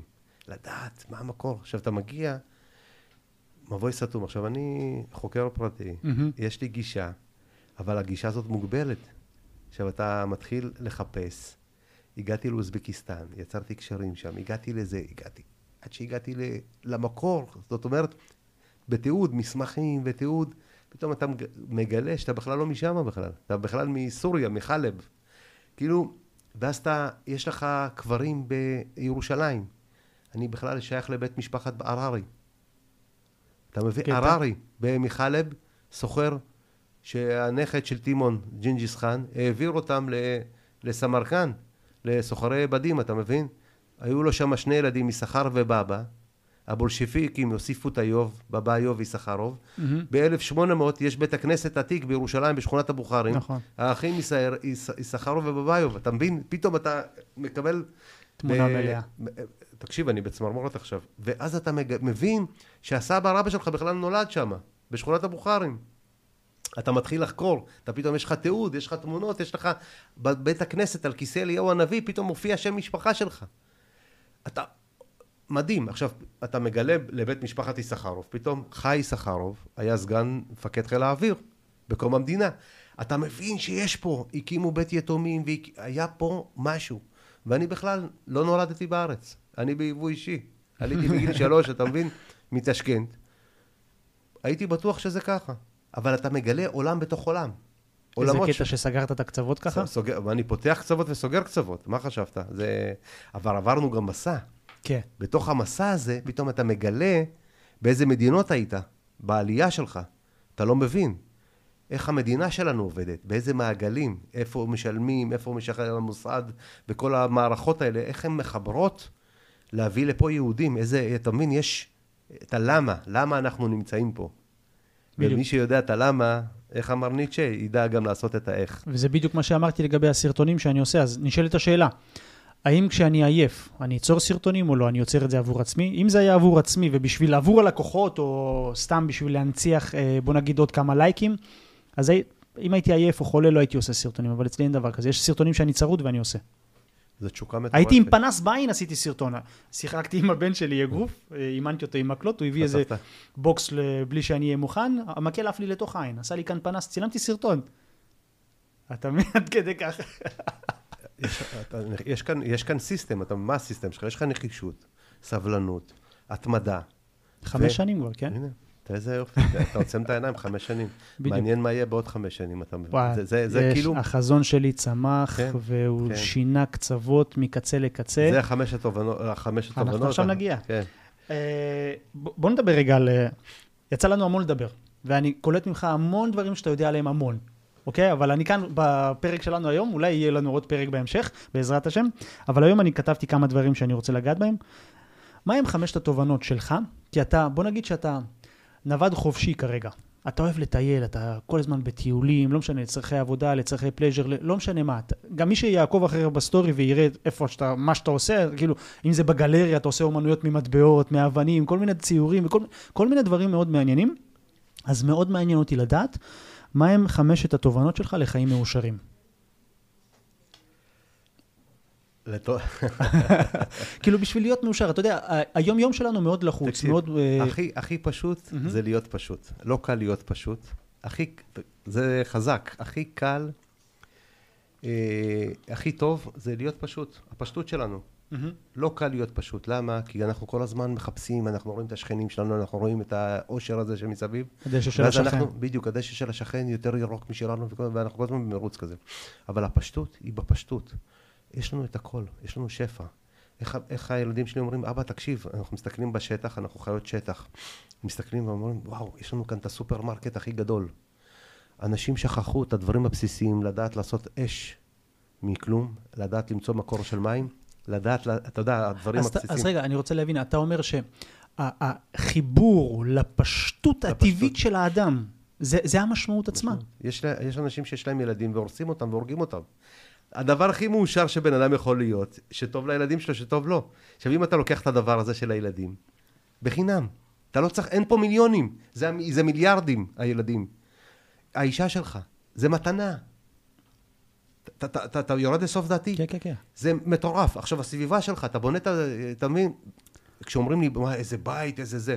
בית, שיש לך חלון, ובית בלי הבפנים שלו, בלי האהבה שבפנים, מתוך הבית, הוא לא בית. אתה יכול להיות באוהל בדואי, או במונגוליה, אתה רואה שם אהבה מטורפת, והם נוודים, הם חיים ב... אתה יודע, אבל יש שם חום ואהבה, והאהבה הזאת היא, היא לא נתפסת, הם עובדים בצוות. אתה מדבר על זה ועולה לי, אני, אני מאוד אוהב לחקור ולפרש את המקרא ואת התורה ואת הדברים האלה. כשאתה אומר את זה עכשיו, עולים לי כמה ציטוטים, במיוחד מה שאני אוהב לפרש ולפענח זה את סדר קריאת שמע. בעיניי, מי שמבין את המשמעות של זה, לא צריך לחקור יותר מדי תורות שפע וכל מיני דברים נסתרים. שם כתוב הכל, מה צריך לעשות. ויש את ה... אמרנו, הדשא של, השכ... של השכן, זה זרק אותי למרדף אחרי עגל הזהב. שאתה חולם או רוצה את מה שכביכול בעתיד קיים, ואתה אומר כאילו בעצם מה שיש לנו כאן בהווה. וזה בעצם מה שאלוהים אמר לבני ישראל, ושמו את שמי על בני ישראל ואני אברכם, כאילו, זה מה שאתם צריכים. רק תגיד, תגידו, אני פה עכשיו, זהו, אני איתכם. העבר מכניס אותי לדיכאון, העתיד מכניס אותי לפחד, אני חי את ההווה. מגניב. אני בתנועה, אני בתשוקה מטורפת. אז מה, מה עוד? אמרנו אחד, זה להיות בפשטות? לא. להתחבר אתה, לפשטות? אתה, אם אנחנו מדברים על החוקים, על חמשת החוקים, זה... רגע, חמשת החוקים זה חמשת השלבים? לא, שאמר... אוקיי. חמשת השלבים זה... זה אבל ח, אתה מדבר על, הפ, על הפשטות, חמש, חמש תובנות, אז אני מדבר על... על אושר. אה, אז אוקיי, אז אפשר לקחת את זה לתובנה הכי מרכזית. אושר... א', אני מדבר על א'. אז אני אומר על הפשטות, ברגע שאתה עושה טוב, אתה, יש לך שפע. הכל, הכל, יש לנו הכל מתחת לאף שלנו. וכשאתה עושה... מעניין מה שאמרת עכשיו, הכל מתחת לאף שלנו. הכל מתחת לאף שלנו. אתה הולך לשוק, היום אתה הולך לשוק. אה, אנחנו ארץ זבת חלב ודבש, אתה רואה הכל צבעוני. עכשיו, חצי עולם מת מרעב, וחצי שני מת מכולסטרול, לחץ דם, כאילו, תנסה... אנחנו צריכים כל הזמן להיות באיזון. בן אדם שיודע את האיזון. אם אנחנו לוקחים את הגוף שלנו כמקדש, ואת המשפחה שלנו כמקדש, ואת הבית שלנו כמקדש. תנסה, תראה כמה דברים אני אומר, אבל יש להם עומק מטורף. כן. ובמקדש מתנהגים כמו במקדש. בית הכנסת אתה נכנס, יש לך, מותר לך אה, לכבד, אתה צריך לכבד את המקום, יש לך קוד לבוש, יש לך אה, כבוד למקום. יש כבוד, תקנון. יש תקנון, בדיוק, תקנון ב, במכלל אני קורא לזה, בלי שכתוב, אתה מבין, mm-hmm. אבל יש תקנון. וברגע שאתה מכבד את עצמך ככה, ומכבד את הסביבה שלך ככה, באופן אוטומטי, אתה יוצר לעצמך קוד מסוים, אתה יוצר לעצמך אה, תוכנית מסוימת, שאיתה אתה שלב ואתה שלם. Mm-hmm. וגם בהעברה שלך כמנהיג, אתה יכול להיות מנהיג רודן, ואתה יכול להיות מנהיג מעורר השראה. נכון. ההיסטוריה מלמדת אותנו כל הזמן. כשאתה מדכא את העם שלך, העם שלך בסוף יתהפך עליך. כשאתה מחבק אותם ונותן להם ועושה להם טוב, העם מוכן למות בשבילך. זה שני דברים. מלחמה, אתה הולך למלחמה, אנשים ימותו מתוך השראה, ואנשים ימותו מתוך פחד. זאת אומרת, שני כן. הדברים האלה, הם לא, הם, לא, הם לא יביאו אותך לאותה תוצאה. Mm-hmm. עכשיו, בני ישראל הלכו במדבר, היה להם מלחמות, היה להם פה, כבשנו כאן, זה, הם היו, היה מנהיג והיה מנהיג. Mm-hmm, נכון. ככה זה, ככה זה בעולם. אז רגע, מקודם אמרת על uh, חמשת העקרונות, בוא תספר לי עליהם. תקשיב, חמשת השלבים הם פשוטים. כשאם אנחנו לוקחים את העולם של האומנות, יש לך חלום, mm-hmm. אתה קם בבוקר, ואז אתה עושה, אתה הופך אותו לחזון. ומהחזון אתה הופך אותו לסקיצה. מסקיצה אתה הופך אותו ליצירה, ואחרי זה ביצירה אתה הופך אותו לאומנות. עכשיו, אם אנחנו מסתכלים על העולם, החמש המתנות האלה שאני, כאילו השלבים האלה, זאת אומרת, כשאני אומר חלום, זה אנשים חולמים, ומי שלא חולם הוא פוחד לחלום. אבל אם אתה לוקח את החלום שלך ואתה הופך אותו לחזון, אז הדבר הראשון זה צריך בן אדם שיהיה לו חזון. מחלום לחזון. ועדיף לכתוב אותו, את החזון שלך. מה אתה רוצה, כמו שאתה בא ואתה אומר, אני, יש לי תוכנית, mm-hmm. ואני אני רוצה לעשות את הסיכומי ספרים. אותו דבר בעולם שלנו, בביזנס, ב... זה החזון. הדבר השני, זה התובנה השנייה, זה אסטרטגיה. בן אדם שאין לו אסטרטגיה, לקחת את האסטרטגיה הזאת ולכתוב אותה לתוכנית עסקית, תוכנית שיווקית. מה אני עושה מה בעצם? מה אתה עושה בעצם בדיוק בתוכנית. עכשיו, איך אתה מחבר את החזון לאסטרטגיה? אלה שני דברים שחשוב לעשות אותם בכל דבר. הדבר השלישי זה בעצם הסכם. אתה עושה הסכם. כמו שאני עושה הסכם עריכת דין, אני עושה הסכם בין שני צדדים, אני עושה הסכם עם עצמי. אני כותב לעצמי צ'קים, המחאות, אני כותב לעצמי מה אני רוצה בסוף שנה. המחאה, למה? יש לך שם את כל הגמירות הדעת, יש לך שם תאריך, יש לך שם את השמות, יש לך שם את ה... אה, עבור מי, עבור מה וסכום, הכל במילים, במספר, הכל כתוב, יש לך הסכם. אתה יכול לעשות את זה בהמחאה, אתה יכול לעשות את זה ב, אה, בדף, אתה כותב הסכם ואתה חותם ב, בסוף ההסכם שלך, אתה עם עצמך. עכשיו, ברגע שיש לך הסכם, זה הסכם מחייב. Mm-hmm. אני עכשיו רוצה לרדת חמש קילו במשקל. אני עושה הסכם עם עצמי. עכשיו, אם אני אומר לעצמי בפעם הראשונה, מיום ראשון, אז ביום ראשון אני מגיע ולא עשיתי, אז זה בעצם אני מתחיל לשקר לעצמי, אתה מבין? אה, אה, יש לנו הבנה כזאת. עכשיו, ברגע שאתה, ההסכם השני, השלישי, אתה עשית הסכם עם עצמך, אתה מחבר את החזון, אסטרטגיה וההסכם. הדבר הרביעי, האם זה מדיד? אתה שואל את עצמך האם כל דבר הוא מדיד. כמו שאתה עושה 150 אנשים, בדקת אותם, ואתה בודק מי מתמיד, מי לא מתמיד, נכון. מי... אתה, יש לך משהו מדיד. אותו דבר עם כסף, אותו דבר אה, עם האנרגיה שלך, באהבה, בזוגיות, במשפחה, בעסקים שלך, הכל מדיד. אם זה לא מדיד, המשקל, אני רוצה לרדת חמש קילו, אם אני לא מודד את עצמי כל פעם עולה על המשקל, הוא נותן לי משוב. אם אני לא מקבל משוב, הוא לא מדיד. Mm-hmm. ומה שהוא לא מדיד, קשה ליישם. נכון. זה הדבר הרביעי. הדבר החמישי, כל הצלחה תעשה חגיגה. חייב לעשות חגיגה. אצלנו יש בבית, לא משנה בין כמה אתה, לא משנה מה, כל דבר קטן אנחנו מרימים כוסית. יאללה, מרימים כוסית, אומרים נזדרוביה, ויש לנו פה זה. עכשיו, ולשתף, תתרברב. הרבה פעמים... החגיגה בעצם זה הדבר הכי חשוב, אתה יודע למה? כי זה יצירת טקסים. אה, אם כן, תסתכל על התרבות היהודית וכל התרבויות בעולם בכלל, הכל סביב טקסים. אז אנחנו, אז אנחנו עושים... ליכוד השבט נקרא. אז אנחנו עושים חגיגות, ואני חוגג. עם עצמי, ואני חוגג עם הילדים, ואני חוגג עם האישה, עם האנשים שאני אוהב, ואני גם מתרברב. ואני מלמד את הילדים להתרברב, למה? כי זה נותן לנו מוטיבציה להמשיך. בואנה, איזה יופי, אני חמש שנים עושה סרטונים, ואיזה יופי, אתה יודע, אני פתאום, אתה מקבל פידבקים. יש אנשים שיורידו אותך וינסו, לא משנה, אבל ברגע שאתה מתרברב ואתה אומר, איזה יופי, אנשים פוחדים מעין הרע ופוחדים זה, אבל אם אתה מתרברב בקבוצה שאתה בונה לעצמך, קבוצת המוחות, קבוצת mm-hmm. האנשים, קבוצת ה... אה, שתומכים בך, והדבר הכי טוב שיכול להיות זה לעשות חגיגה. נכון. תוסיף משהו מתוק, תוסיף כוסית של אה, זה, תרביץ. אבל אתה יודע מה, אני חושב שאמרת כאן את השלבים הכי מדויקים שיכולים להיות. של, ו... של כל דבר, אתה יכול לשים את זה בכל דבר. אתה יודע, בוא פרוקטור אומר משהו מאוד מעניין, נדבר על השלבים שלך לפי הסדר. השלב הראשון, הוא אומר משהו מאוד מעניין. אם הצלחת לחלום את זה, סימן שזה שלך. לא כולם מצליחים לחלום את זה, סימן זה לא שלהם. אם אתה הצלחת לחלום את זה, סימן שאתה יכול להגשים את זה. עכשיו בוא תוריד את זה על דף. אוקיי? קח את הדמיון הזה. אני עבדתי בתור אה, פועל בניין, אוקיי? הייתי מעצב בגבס ודברים כאלה, כמו המשרדים פה וכזה. אז כשאני הייתי מקבל תוכנית, מה צריך לעשות פה? אוקיי, זה התוכנית, מישהו חשב עליה. לפני שיצא המכרז על הקרקע הזה, מישהו חשב על התוכנית הזו, מישהו הגה אותה בדמיון שלו, כמובן עם הזמנה ודברים כאלה, הגה אותה, העביר את זה למחשב, הכניס נתונים, בלה בלה בלה, הוציא על דף. אחרי שיש את הדף, שזה בעצם לקחת את החזון שלנו, שזה התוכנית העסקית שאמרת, או, או פעולות שצריך לעשות, זה בעצם להתחיל לעשות, יש את הפועלים למיניהם, ואני הייתי בגבס, יש את האינסטלטורים, יש את הרצפים, לא משנה מה, כל אחד עושה את העבודה שלו כדי לקדם את התוכנית. ואתה יודע איפה אני שם לב שהרבה נופלים? אני מדבר על הפן האישי, לא מדבר על התוכנית של הבנייה וזה. במשמעת העצמית שלהם, בעשייה הזו. כי כשאתה אומר לתת המחאות לעצמי, על פניו...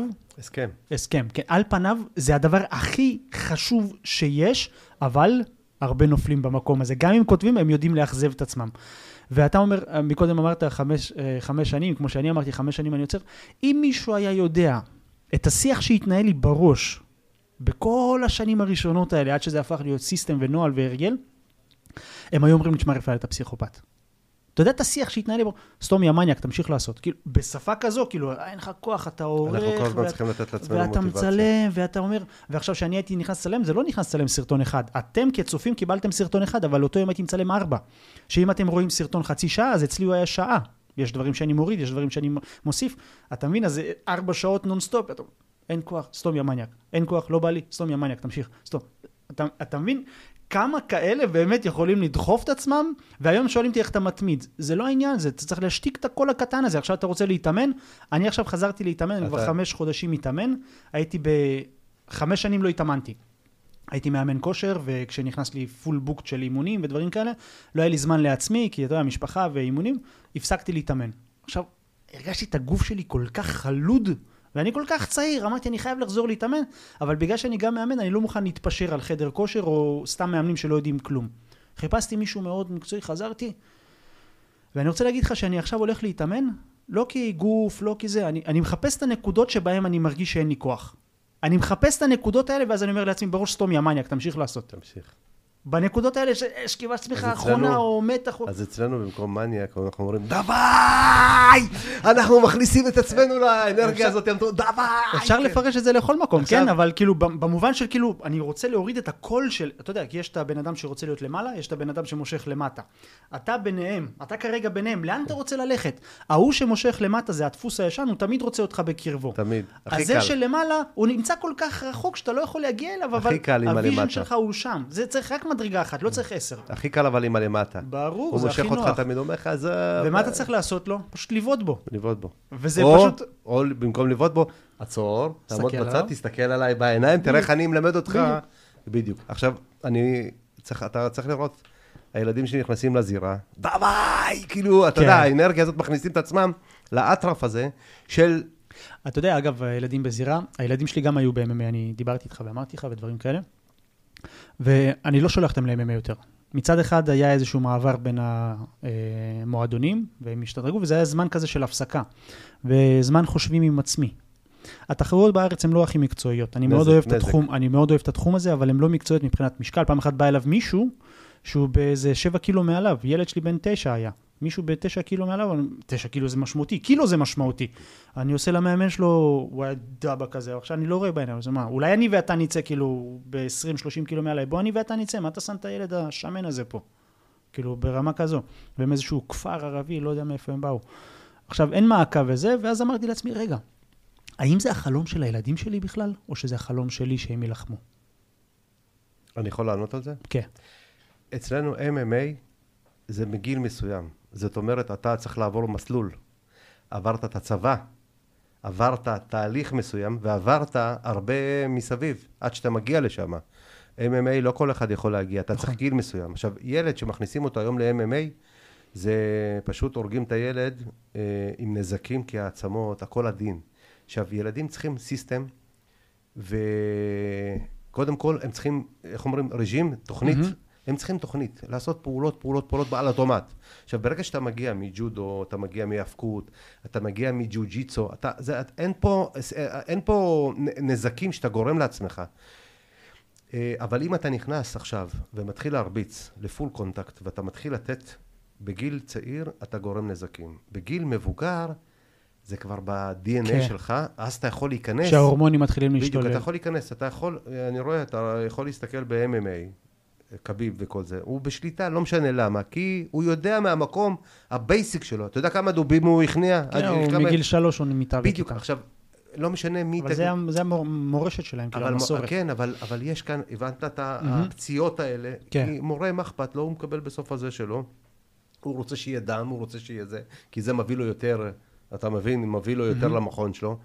אין פה היום תרבות של אה, אה, למידה, אה, יש כאן הרבה אגו, אני רואה בין מאמנים, לא, המאמן שלהם היה טוב, אבל מה שגרם לי באמת לחשוב שלהוציא אותם, זה הנקודה שהם הפסידו בקרב, ואני מאוד התאכזבתי עליהם, על הילדים, על הילדים, וזה היה השיעור הכי חשוב שלמדתי בחיים. התאכזבתי עליהם, ואני זוכר שבקרב שהם הפסידו, עכשיו, כי הדרכתי אותם מה לעשות והכל והכל, עשינו תוכנית קרב וזה וזה, ובסוף משהו השתבש. הם באמונה האישית שלהם מול עצמם, כי היה את הקטע הזה עם המשקלים הלא נכונים ושל זה, והם התאכזבו. ו... תמיד נמצא, מחפש סיבה. כן, לא משנה. אני גם התאכזבתי, ואני זוכר שעשיתי ככה תנועה כזו, ופשוט הלכתי. הלכתי מהמקום שהם נלחמו, ואז עצרתי לרגע שחציתי כבר את הווילון, אני אומר, למה באתי לפה בכלל? בשבילי או בשבילם? ואז עניתי בשבילם. אני עושה, אז למה אתה עושה פוזות? מה אכפת לך? הפסידו, ניצחו, מה אכפת לך? ואז הבנתי שבעצם אני שולח אותם לשם ואני מדרבן אותם להתאמן, רק כי אני רוצה שהם יתאמנו. נכון. אז אמרתי להם, ילדים, אם אתם, לא? אם אתם לא רוצים, אני מרשה לכם לא ללכת לשם. אבל אם אתם רוצים, אני אקח אתכם. מאז הם נרשמו לחוגים אחרים, וכשתחליטו לשם, אני אקח אתכם, הכל בסדר. וזהו, כאילו, זה, זה השיעור שעשיתי עם עצמי. כי אני זוכר, אני הלכתי לאגרוף באותם שנים, כאילו, לא באותו גיל כמוהם, אבל עוד פעם, הזמנים הם שונים. בוא נחזור אלינו קצת. הש, אה, הש, רגע, אני חייב כן. לענות על מה שאמרת. תקשיב, זה, זה, זה היכולת של מנהיג. מנהיג שבא ומחליט, mm-hmm. או מנהיג שנותן להם, אנחנו מלצרים. תנסה לחשוב שנייה כמלצר. מלצר בא, אומר לך, זה מה שיש בתפריט, אתה תבחר, אתה נותן לך לבחור. רוב האנשים בכלל הם, הם לא מלצרים, הם אוכלים, לועסים ומקיאים את זה, mm-hmm. או שזורקים את הילדים שלהם ואומרים להם, לכו תשיגו את האוכל שלכם, רוצים, תאכלו, לא... זאת אומרת, אבל האידיאל מבחינתי זה להיות מלצר, זה, יש גבולות. אתה מציב להם גבולות, אתה אומר, יש 1, 2, 3, 4. בבקשה. מה שחשוב זה התמדה. להיות בחוג כל הזמן, לטפל בעצמך, לעשות, ואנחנו שמה בשבילם, במעוף הציפור. זה משמעת, זה יוצר משמעת. כן, אבל אנחנו שמה ממקום של מעוף הציפור. לא משנה מי עומד מולך, לא משנה מה, אתה לא יודע מה עובר אצל הילד בראש באותו זמן, נכון. איזה פחדים. אנחנו לא נמצאים בתוך נכון, הזירה. נכון, לגמרי. מי שיכול להבין את זה, זה רק מי שהיה בתוך הזירה. מבין את המשמעות של הפחד המשתק. וכשהיום אני מלווה את הילדים ואני אומר, הילדים מבקשים ממני, אבא, אומרים לי, אל תבוא איתנו, תהיה בשקט. אנחנו רוצים את השקט הפנימי זה שלנו. זה מדיטציה בסופו מדיטציה. של דבר. הם באים לשם נקיים, הם, עושים, הם יודעים, הם מאומנים בדיוק לרגע הזה, לעלות על המזרון. וברגע שהם עולים למזרון, בטוב או ברע, לא משנה. הנה, אה, דיברנו על, כאן על הספורט ועל התרבות. חגורה לבנה, פתאום אה, מביאים לו מישהו מחגורה שחורה רק בשביל להביא את המדליה, אתה מבין? כן. אה, לא רואים, אבל לא משנה. מה שחשוב... זה, זה ניסיון. זה איך אנחנו הרגשנו, נהנינו, לא משנה מי לידינו. אני מגדל אריות בבית. Mm-hmm. אנחנו רואים את כולם על הצלחת. כשאריה רעב, לא משנה, גדול, גבוה, נמוך, הוא רואה את כולם על הצלחת בהרעה, בתודעתית. אתה נותן לו עוצמה. זה, זה האריה, אתה מבין? מה אתה רואה באריה? אתה רואה פה את המנטליות. מנטליות שהוא לא רואה בעיניים. הוא, כשהוא רוצה משהו, הוא יוצר פעולה. אתה איילה, אתה רץ יותר ממני, נכון? אין בעיה, אני אקום שעה קודם. אתה יותר גבוה ממני? אין בעיה. אני... יביא את החבר'ה. לא את החבר'ה, אני אבוא לבד, אבל אני... אתה תפחד ממני שאתה תרד לגובה שלי, אני אוריד אותך לגובה שלי, אני אוריד לך את הרגליים. הרי איך מורידים עץ? אני אף פעם לא הייתי גמיש בקיקבוקסינג וזה. מלמטה, הייתי מוריד, כן. שובר למישהו את הרגל. אני קורא לזה לשבור את הבניין. יפה, הוא היה יורד למטה, ואז הייתי מגיע לו לראש. ככה הייתי אומר לילדים, שבור את הבניין, שבור את הבניין. בדיוק, אז עכשיו, אתה לומד שיטה, ברגע שאתה לומד את ההבנה, אתה הופך להיות אריה. אתה גבוה, פיל, לא משנה מה, אני אוריד לך את הרגליים, אתה תהיה בגובה שלי, אני אוכל אותך אחרי זה. חזק. זה, זה, ברגע שאתה נמצא שמה, ככה זה. חזק. בוא נחזור רגע לספר. בספר כתבת כאן, כאילו יש המון חלקים של uh, מורה דרך שהיו לך. זה מאוד מעניין. יש פה את הבחור שלימד אותך ביזנס, מיקי, ויש את סבתא שלך. ו... מתנות, מתנות. זה... אני רוצה שנדבר רגע על סבתא שלך. לא ניכנס לפרטי פרטים שלכם ביניכם לזה, אבל התובנות שהיא הביאה לך, כאילו, המנטליות הזו כל כך כאילו מאפיינת, בוא נגיד, את הסבתות הבוכריות, כאילו כן. הנשים החזקות האלה, שבאמת... דומיננטיות. לגמרי, מנהיגות חזקות, בוא נגיד כן. ככה. יש כאן תובנות שפשוט יכלתי לדמיין את סבתא רבא שלי, ובדיוק גם הייתה מתנהגת ככה, שהיא מסתכלת על החיים בזווית אחרת, כאילו, ונותנת תובנות מעניינות. אני רוצה שתחלוק איתנו כמה תובנות. של הסבתא? כן. וואי, זה סבתא... תקשיב, סבתא שלי הייתה אישה חכמה ביותר, היא למדה רפואה. תקופה, אתה יודע, בברית המועצות של אז, תקופת מלחמת העולם, היו צריכים אנשים. סבתא אישה משכילה, יודעת קרוא וכתוב, מבינה, יודעת הרבה שפות, והיא הייתה דומיננטית. היא שלטה בכולם. שלטה בכל מה שזז למעלה למטה, היא הייתה בשליטה. הייתה חייבת להיות בשליטה, היא סבתא ככה, היא שליטה. אישה מאוד מאוד היגיינית, נקייה, ואנחנו חתול לרחוב, תמיד, אף פעם, יודע, זה לא היה... ואני זוכר שהיא הייתה מנסה להנחיל בנו מתוך חשש ואהבה, ואתה יודע, מתוך שיקרה לנו משהו, הייתה מכניסה לנו, מנסה לחנך אותנו, אתה יודע, בדר, בדר, בדרכה. ואני זוכר את הדבר החזק של עשרת הדיברות. סבתא הייתה אה, אישה מאוד מאמינה, ואמרה לי, אתה ילד בנדיט. בוא, בוא, אני רוצה לתת לך עשרה חוקים, אם תלמד אותם, עשיתי את ה... אמרתי לה, סבתא, מה את מבלבלת לי את המוח? היא אומרת לי, אני רוצה ללמד אותך את עשרת הדיברות. אמרתי לה, סבתא, ואימא שלך תשחררי, מה את... אה, תקשיב, יש חמש דיברות אתה מול הקדוש ברוך הוא, ויש חמש דיברות אתה מול האדם. אם תיישם אותם, ראתה את האנשים שהסתובבתי בהם. אני יכול לספר, אמרתי לך, על כף יד אחת, על אצבע אחת, כמה חברים נשארו לי מהילדות. והיא פחדה. ואז היא התחילה למנות לי את עשרת הדיברות. אבל היא זרעה בי זרעים שאף אחד לא מבין אותם, אלא אני קלטתי אותם. לימים אמרתי, בואנה, איזה אליפות הדבר הזה. הדיברה הראשונה מדברת שיש לך אלוהים. היא אומרת לי, מי זה האלוהים? היא אומרת לי, אתה זה האלוהים, הוא בתוכך, אתה. אל תעבוד, אל תעבוד אה, עבודת אלילים, אל תעבוד עבודה זרה. מי זה עבודה זרה? אל תהיה עבד של אף אחד, אל תהיה פועל של אף אחד. אני מסתכל היום, אני בן 54 אוטוטו. בחיים שלי לא הייתי שכיר יום אחד. מה שעשיתי, עשיתי לעצמי. לטוב ולרע, עשיתי לעצמי. וככה היא בעצם מנתה את כל עשרת הדיברות. הגענו לדיברה החמישית, היא אמרה לי, כבד את אביך ואת אמך, כאילו על הדיברה של ההורים. היא אמרה לי, זה גם עבר, זה גם עכשיו וגם עתיד. זאת אומרת, אתה תהיה, למה אני, אה, אתה צריך לכבד אותם בשביל, למה, למה אתה צריך בעצם להמשיך את הקיום שלך. זאת אומרת, אתה גם תהיה הורה. Mm-hmm. ואל תסתכל אחורה, תלמד מאחורה. תחיה עכשיו... אל תיתקע שם. אל תיתקע שם, תחיה עכשיו ותסתכל קדימה, כי אתה הופך להיות הורה. Mm-hmm. ואז היא דיברה על הדיברות, חמש דיברות אתה מול האדם. וכל נראה דיבר... לי אתה חייב לעשות על זה ספר בנפרד. תקשיב, זה בנפרד, אבל אני, אה, מתנה לילדים שלי, כל אחד יש להם את הקלף, קלף, אה, עשרת הדיברות של הסבתא. זה בעצם הדבר החזק הזה של, של, אה, של הסבתא. ואז היא הגיעה איתי לדברה האחרונה. אני מתרגש פשוט שאני מדבר על הסבתא. אמרה לי, תקשיב, קח שני אחים, תשים אותם על אי בודד, אחד יהיה חמדן והשני יהיה בן אדם, החמדן, ברגע שהוא יהיה רעב, יאכל את אח שלו. קין והבל. יאכל את אח שלו.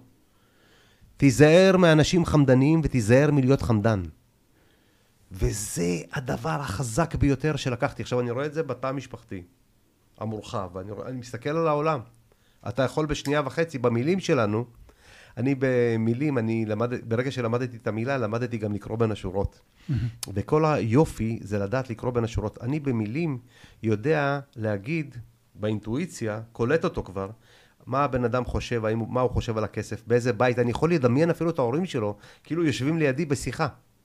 אני יכול לדעת במילים שאנשים מוציאים. נכון, יש שם הרבה מאחורי זה. מאחורי הדבר הזה. עכשיו, ברגע שהבן אדם מתחיל לשאול אותך שאלות על כסף, אתה מבין מאיזה בית הוא בא. הוא יכול לבוא לבוש מיליון דולר כאילו במכונית לא יודע מה.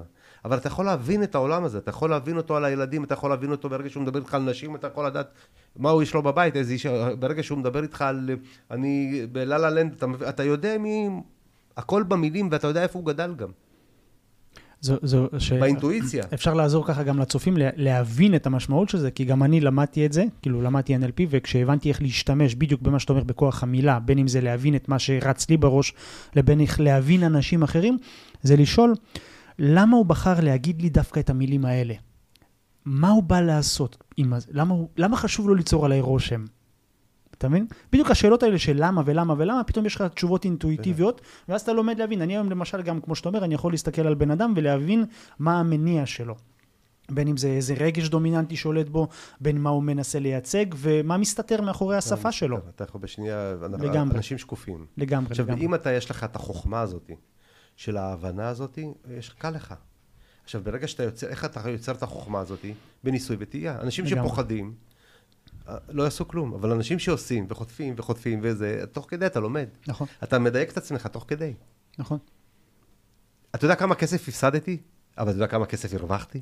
בדיוק, השאלה כאילו, על מה אתה מסתכל. בדיוק, על מה אתה מסתכל. אתה מסתכל על ה, אה, איך אתה מגדיל את תודעת הכוס, mm-hmm. איך אתה מגדיל את הכלי שלך, או איך אתה פוחד לשמור על הדבר הזה. זה שני דברים שונים. מקבץ. זאת אומרת, יש אנשים שחוסכים כל היום בהבנה איך אני קונה את זה בזול, איפה אני חוסך, איפה הקופונים, איפה זה, ויש אנשים שאומרים, לא משנה כמה זה עלה. עכשיו אני אסע 50 שקל, 100 שקל, לשים דלק וזה, עזוב, זה בת... איך אני יוצר יותר. מהמם. לא איך, זה שתי דברים שונים. זה תודה... לא איך אני קונה בזול, אלא איך אני יוצר, לא משנה, לקנות זה לא רלוונטי בכלל. ההוצאות שלנו, אומרים, אה, במדינת ישראל מאוד מאוד קשה לחיות. אני רואה זוגות הצעירים, אני רואה את אנשים, אנחנו חיים פה, מהמם. ריביות, הכל. אבל אם אתה יוצר לעצמך תודעה של שפע, זה לא משנה איפה אתה תהיה בעולם. גם אם תלך לכל מיני מקומות שאף אחד לא יכיל אותך ויעשה לך, אף אחד לא יעשה בשבילך. אם אתה לא תיקח את עצמך בידיים ותניע את עצמך. חשוב להבין שתודעת שפע זה תודעת זרימה. זרימה. בדיוק. וזרימה זה יצירה. כשאתה יוצר, אתה מתחבר לאיזשהו אוקיינוס אינסופי שם, שאתה עם ההשראה, זה השכינה בעצם, אתה מתחבר לכוח האינסופי של אלוהים ואתה יוצר. כשאתה יוצר אתה בזרימה, ואז אתה בעצם בתודעת השפע. כשאתה בזרימה אתה מתחבר על השטיח, זה כאילו כמו אלאדין שהוא על השטיח, נכון. אחד לאחד. ולא ניתן, ולא, אי אפשר לשנות את הזרימה של הנהר. בדיוק. אפשר לשוט עליו וללמוד לשוט עליו. אם קשה, לא קשה, אפשר לנוח בכל מיני מקומות, אבל הזרימה ממשיכה. עכשיו, מתי אתה מתפתח? כשאתה מוכן, אתה מוצא לעצמך את המורים. דיברת על מיקי, נכון. דיברת על ולדמן, דיברת על סבתא, דיברת על הרבה אנשים. אני תמיד מוצא לי, אני תמיד מחפש לי את האנשים שאני יכול להתקדם ולהתפתח קדימה. והמנטורים האלה זה מתנה מהעולם. עכשיו, אין בחינם, אף אחד לא ימצא אותך, אף אחד לא יבוא ויגיד לך בוא אני אלווה אותך. תמיד אתה צריך לדעת מה אתה נותן. גם כשאתה רוצה היום להרוויח 100 שקלים, מיליון שקל, 10 מיליון, 100 מיליון, לא משנה מה, השאלה, תרשום לך את הסכום הזה שאתה רוצה, לא מהמם. משנה, תהיה פרוע הכי פרוע. מה אני נותן אבל בתמורה? אתה תראה איזה, מה אתה, יש לך לתת בשביל להגיע לדבר הזה. וברגע שאתה יודע מה אתה נותן, הסכום הזה הוא נכון. בטל בשישים, ב- לא משנה, גם אם אמרתי וגם לך. אתה יודע איך ל- ל- לעשות את השלב על המכירה, כי אתה יודע פתאום מה אתה שווה. תקשיב, אני חלמתי לי 100 מיליון, אני נמצא בפרויקטים של 100 מיליון. זה, לא, זה, השאלה מה, איזה ערך אתה יש לך לתת. ברגע שאתה יודע מה אתה נותן, בדיוק. בתמורה למה שאתה מקבל, והרוב בהתחלה רוצים רק לקחת. וזה אני אגיד לך גם מהמקום שלי של היוצר תוכן, וגם מלווה אנשים ליצור תוכן. הרוב חושבים מה לקחת. כמה צפיות יהיה לי, כמה לייקים, כמה תגובות. אני, היה לי שיחה שבוע שעבר, אה, אני רוצה להקים פודקאסט, אני רוצה שתלווה אותי, אני מארגנת אירועים, בלה בלה בלה, ואני חושבת לעשות ספונסר שיפ. זה, בואי נשאל אותך שאלה, את כרגע אנונימית, לא מבחינת המקצוע שלך, את כרגע אנונימית כיוצרת תוכן. השטח, אני מסתכל על סרטונים, או אפילו הפודקאסט הזה, זה שטח פרסום. עכשיו, מה אנחנו מפרסמים? את הדעות שלנו, את הרעיונות שלנו, ובעתיד יכול להיות כאן פרסומות כאלה ואחרות. זה שטח שהוא פרסומי, ואנחנו יוצרים כאן שטיח דיגיטלי, כביכול שאפשר לשים עליו, כמו מדף בסופר, כל מה שבא לך. ככה אני רואה תוכן. עכשיו אני אומר לה, את אנונימית, יש לך אפס מעקב, כל אחד התחיל מאפס, זה לא שאת גרועה, כל אחד התחיל מאפס. תשאלי את עצמך, למה שחברה בתחום שלך תרצה לשים את הכסף שלה על משהו שאין להם בתמורה? כן, אולי בעתיד שיהיה לך, אתה יודע, איקס עוקבים, איקס קהל, איקס אנשים שמתעניינים בך, באישיות שלך, אז יהיה רלוונטי. כרגע שאת רוצה להציע להם, את שמה את עצמך במצב של אני לא אתחיל עד שלא יהיה לי ספונסר שיפ, אבל יודעים שלא יהיה לך ספונסר שיפ, אין למה. אין למה שישימו עלייך את הכסף. כרגע זה לא משתלם להם. קוראים לזה תודעת הדבש. תספר על זה. אה, דבש זה ראשי תיבות, וואלה, איך היום שלך? יום אסל, יום באסל. יום אסל זה דבש, יום באסל זה בצל. אז אה, יש לנו שטותים ויש לנו אה, סילן, אבל דבש, ראשי תיבות, ד' זה דע מה אתה רוצה. רוב האנשים לא יודעים... זה כתוב הם- גם בספר, נכון? ברור. כן, הם יודעים. מה הם לא רוצים. מה אתה רוצה, לא יודע. מה אתה רוצה לאכול, לא יודע. מה אתה רוצה לעשות, לא יודע. שום דבר לא יודע. תברר מה אתה רוצה. דע מה אתה רוצה. ברגע שאתה יודע מה אתה רוצה, כבר עברת 99% מהזה. שלך. ב', ברר מה אתה נותן. רוב האנשים מושיטים את היד, רוצים לקחת. מה אתה נותן? תשאל את עצמך, מה אתה נותן? ברגע שאתה תדע מה אתה נותן, ואתה יודע מה אתה מקבל, שין, שנה את מה שאתה עושה עד שתשיג את מה שאתה רוצה. אם אנחנו עושים את אותה פעולה כל הזמן, ואנחנו לא מקבלים את התוצאה שאנחנו Mm, רוצים, מעניין. שנה את מה שאתה עושה, שנה. תהיה גמיש בתנועה. תהיה גמיש, אתה כל הזמן במינוסים. אני כל הזמן במינוסים, אני לא יוצא, אני מרוויח 150, 120 אלף שקל, אני כל הזמן במינוס. בסדר, אוקיי, הבנו את זה. אתה, יש לך מחזור, יפה. מה אתה עושה? אה, אתה מכניס, מפקיד את ה... יש לך את- הערכים, אתה יודע, אנשים לא מתנהלים, נגיד מפקידים את ההמחאות שלהם, ובדיוק, נגיד ב-15, וב-12 יש להם את הירידות. למה? תקדים את הזה שלך, מהמם. תשנה את ה... תעשה שינוי, ופתאום כן, יהיה לך קח פלוס. אחריות. קח אחריות, קח, יהיה לך פלוס. יהיה לך פלוס של 40-80 אלף שקל. מהמם. למה אתה חי כל הזמן בדבר זה הזה? להסתכל על זה בצורה מאוד... אה, על כל דבר. כן. שנה את מה שאתה עושה עד שתשיג את מה שאתה רוצה. מגניב. השאלה מה אתה רוצה. ברגע שאתה יודע מה אתה וזה- רוצה להתחלה. אגב, וזה גם חזרנו למה שדיברנו, של אה, החזון, ולהוריד את זה לתוכנית ברור, עבודה. זה חוזר חזון. לזה. מה, מה אתה רוצה? שאתה כותב את מה שאתה נכון. רוצה, זה החזון. זה בעצם החזון, מה אני רוצה. אתה, אתה משתמש באנרגיה קיומית שקיימת, ואין לה בעלות, כאילו, אף אחד לא לוקח עליה בעלות, היא של כולם. של כולם. הכל של כולם. זה, אתה יודע, בספר מדע יש מספיק התעשרות, לכולם. מדע התעשרות איך וכולם, נפוליאון הילי אמר? יש מספיק לכולם. אנחנו חיים בשפע. בספר מדע התעשרות, הם מדברים על זה גם, הוא אומר, כשאתה מסתכל על זרע של עץ אלון, אוקיי? האם אתה יכול לראות את העץ בשיא פרחתו?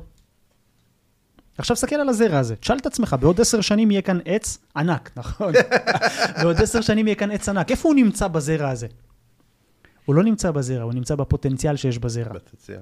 כשאתה שם אותו באדמה, הוא אוסף את כל מה שצריך מסביבו, כדי שהחזון הזה יתממש. קח את הזרע הזה, שים אותו בתוך קופסה, 50 שנה לא יצא ממנו שום דבר. נכון. תוציא אותו פעם אחת החוצה, תן לו קצת מים, קצת שמש, קצת אדמה. פוטנציאל.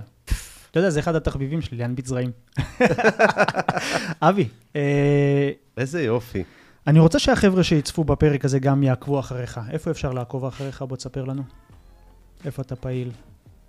בפייסבוק, אינסטגרם, טיקטוק, יוטיוב. אני בדרך כלל איש הצללים. אני חי, אתה יודע, אבל אני חי... אתה, אתה מפגיז אותי- בפוסטים מפעם לפעם. ברור, אני חי אבל ב... אני לא מוכר שם שום דבר. לא ברור, אה, אתה כן. מראה את עצמך, את הסגנונות. שלך. אני, אה, יש לי פייסבוק, יש לי אינסטגרם. אני אשים את הכישורים כאן בתיאור של. הסרטון. יש גם אה, דרך לרכוש את הספר הזה, שאני אשים את הקישור כאן בסרטון? יש לי, כן, יש לי דף נחיתה, שאני, אוקיי. הוא לא נמכר בחנויות, אבל אני אוקיי, מגניב, מגניב. אז אני אה, גם לשלוח אשים אותו קישור, שם. בדיוק, יש קישור של וחברים, החתור רחוב. אני אני- אוטוטו יוצא במהדורה שנייה, יפה, ואני אשלח לך פיילוט אה, אוטוטו גם מגניב. לספר השני. בשמחה רבה. שיהיה ספר על התובנות של סבתא, גם חשוב. וואי, וואי, כן, האמת היא שאני מקבל פידבקים, יאללה, הספר הבא לילדים. ילדים, כאילו... גם מעניין, זה. גם אז אני- מעניין, אז מה? הספר הבא... חסר ספרים כאלה בארץ. אה, לגדל נסיכים על דרך המלך. מגניב. איך פעם המלכים גידלו אותם, לימדו אותם, מה הם לימדו אותם. זה מה שמעניין היום, את העולם ה... של, ה... של המידע. אתה יודע, העולם של מהמם. המידע הוא מטורף.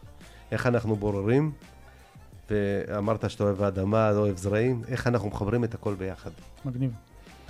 אז היה לי הכיף לארח אותך בפודקאסט שלנו. במועדון סיכומי הספרים. אני. תודה אני רבה תמיד לך. כיף לי לפגוש אותך. אז תודה רבה לך. יאללה חברים, אנחנו נתראה בפרק הבא. נתראה, להתראות.